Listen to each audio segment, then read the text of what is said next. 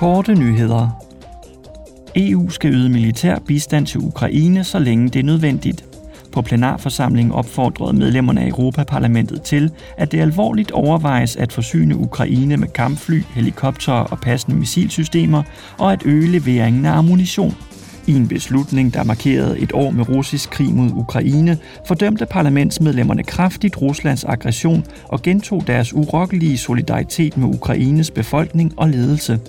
Ifølge parlamentet bør indefrosne russiske aktiver anvendes til at genopbygge Ukraine, og sanktionerne mod Rusland og dets allierede bør udvides.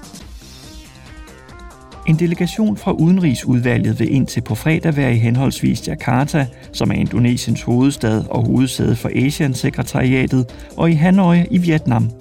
Det primære formål med turen er at bidrage til at fremme det strategiske partnerskab mellem EU og ASEAN, navnlig samarbejdet mellem parlamenterne, og til at styrke de bilaterale forbindelser med EU's vigtigste partnere i regionen. En delegation på fem medlemmer fra udviklingsudvalget under ledelse af parlamentsmedlem Thomas Tobé rejser i morgen til Washington D.C.